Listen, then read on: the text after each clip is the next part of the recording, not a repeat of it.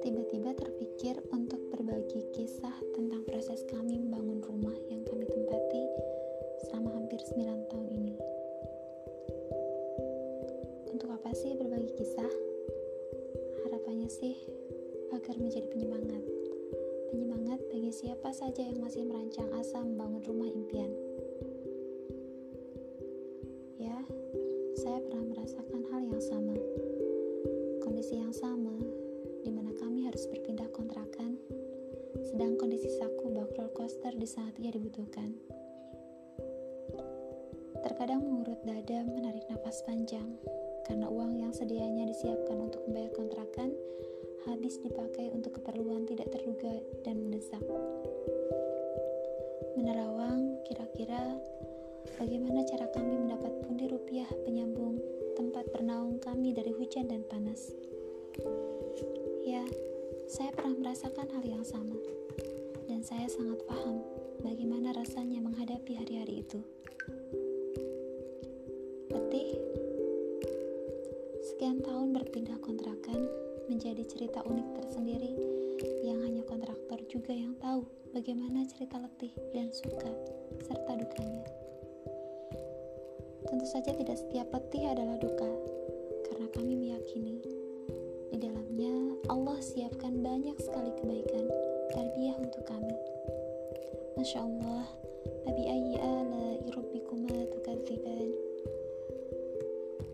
Untuk hari-hari yang telah berlalu itu, izinkan kemudian saya berbagi beberapa puzzle kenangan yang coba saya rangkai hingga utuh.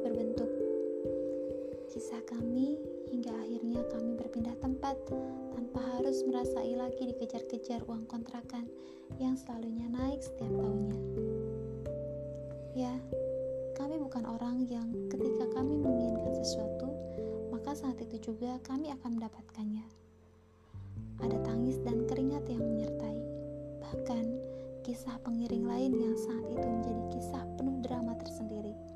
Masya Allah, sungguh semua itu adalah anugerah yang sangat besar dari Allah. Semua kisah itu, semuanya adalah tarbiyah. Berapa tahun kontrak? Berapa kali pindah kontrakan?